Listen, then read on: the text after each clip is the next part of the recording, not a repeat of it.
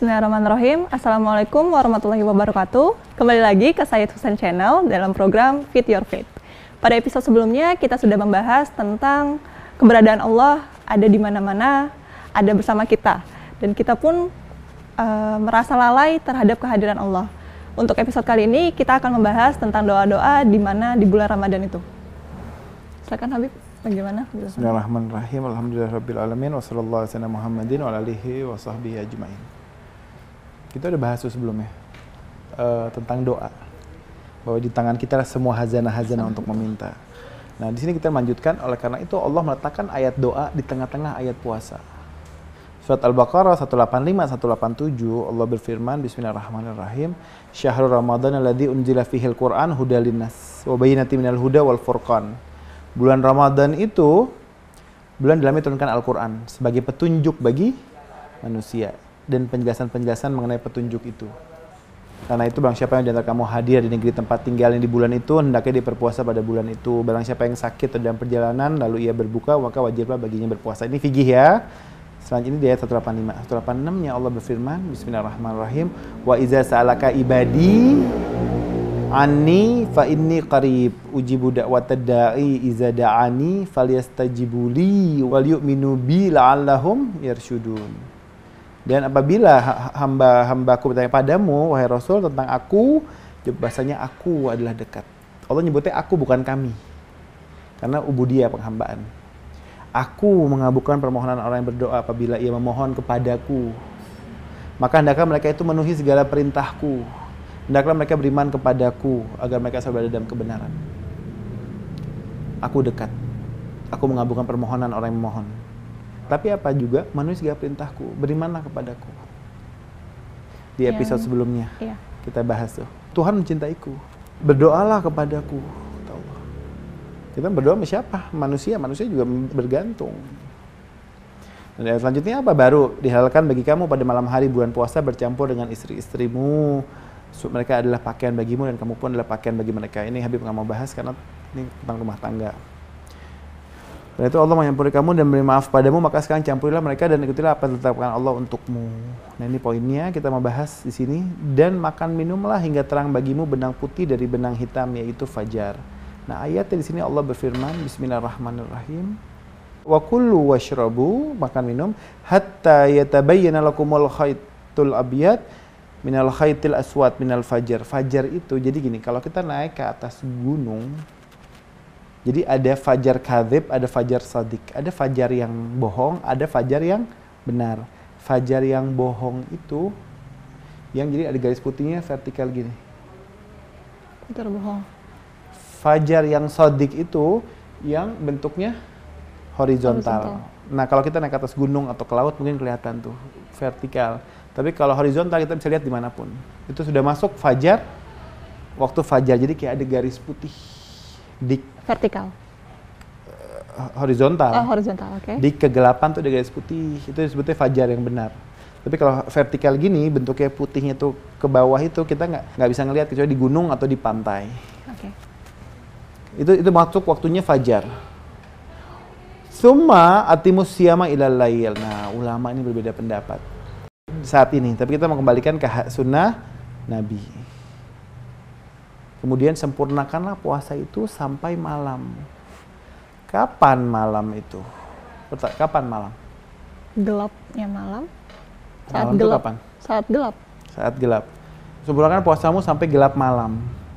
Sekarang malam di sini adalah ketika sudah gelap. Jadi ketika matahari itu terbenam di barat, tapi ketika pantulannya masih ke timur itu masih belum masuk maghrib atau malam. Tapi ketika dia sudah di barat, tapi pantulannya su sudah di barat, itu sudah masuk waktu malam. Relasi ayat ini sama dengan relasi di surat Al-Isra 78.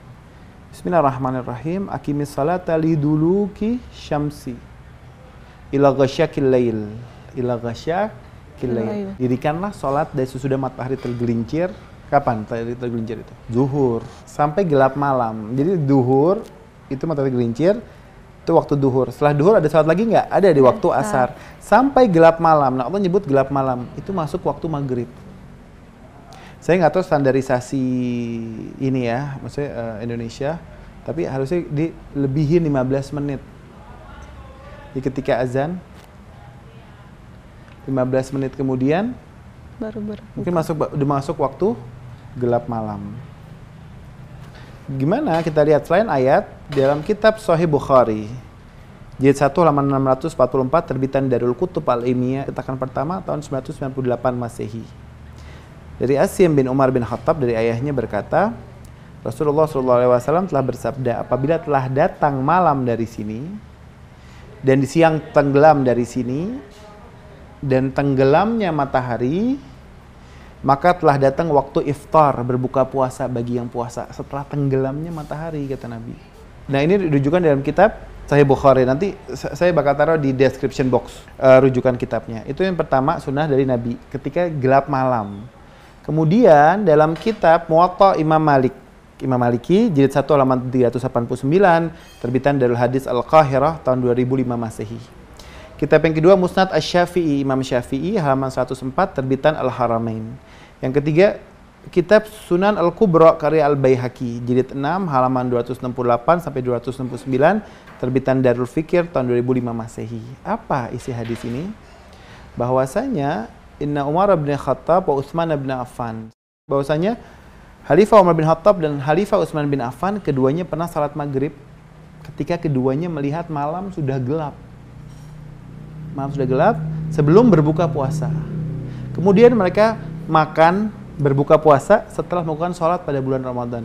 Jadi ketika sudah gelap, para khalifah ini mengerjakan sholat maghrib dulu, baru, berbuka puasa. puasa ketika gelap. Nah ini kita kembalikan ke sunatullah. Al-Qurannya jelas. Al-Baqarah ayat 187. Nabi mengerjakan nggak? Jelas. Nabi mengamalkan Al-Quran. Tadi dalam kitab Bukhari.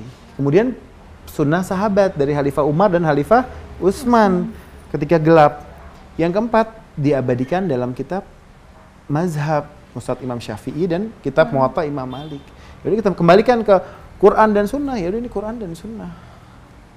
Ya kita lebihin dia 15 menit.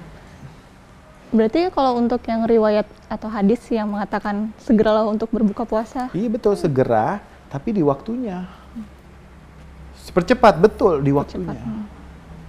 Nabi tadi ketika tenggelam matahari, Allah nyebut sempurnakanlah puasamu sampai datangnya malam. Kita kalau di berita bukan selamat malam, selamat petang.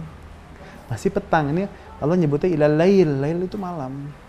Ya saya nggak tahu ulama mungkin berbeda pendapat, tapi saya pribadi mengembalikan ke Quran dan hadis Nabi dan sunnah sahabat dan kitab mazhab, imam mazhab gitu. Semuanya sama, gelap malam, malam, malam. Al-Isra ayat 78 tadi juga menjelaskan gelap malam. Itu cuma lebih 15 menit untuk disempurnakannya puasa. Masa kita udah seharian kuat, masa 15 menit nggak kuat? Di waktunya, karena apa? Ada lagi lanjutannya nih. Dalam kitab Sunan Al-Kubra karya Al-Baihaqi jilid 4 halaman 218. Ini cetakan saya ngambil dari Maktabah Syamilah dari Google ya, bukan kitab. Rasulullah SAW bersabda dan ketika itu bertemu dengan kelompok kaum pada peristiwa Isra dan Mi'raj yang menggantung dengan sendiri mulut-mulut mereka ke kaki-kaki mereka sehingga mulut mereka mengeluarkan darah. Lalu aku bertanya, siapakah mereka? Jibril menjawab, mereka adalah orang-orang yang berbuka puasa sebelum tiba waktunya.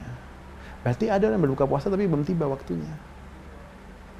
Kembalikan semua ke Quran dan Sunnah. Dan ini yang ngomong Imam Al-Bayhaqi. Insya Allah semua kitab-kitabnya saya taruh di description box. Saya akan taruh. Dan insya Allah isi kitabnya pun juga foto-fotonya udah difoto dan dimasukin untuk untuk ini dan supaya tidak terjadi ikhtilaf di umat ini yang Allah minta. Sunnatullah, sunnatul Rasul, sunnatul sahabah, dan sunnatul imam mazhab juga meriwayatkan. Oleh karena itu, kita tidak menunda-nunda suatu kebaikan apa pun yang ada di bulan Ramadan ini, walaupun dengan hitungan menit, baik dengan baca Quran, mempelajari Al-Quran, baca doa, dan semuanya, sedikit yang dirutinkan lebih baik dari yang banyak, tapi terputus. Dia harus istiqomah. Sebagian manusia itu mengawali aman yang banyak, tapi hanya dengan waktu yang pendek, hanya beberapa hari saja, selanjutnya terputus karena lelah, capek, dan malas. Dia harus istiqomah. Mendingan sedikit tapi rutin dibanding banyak, blok tapi udah. Jadi saya pikir itu kajian kita episode ini.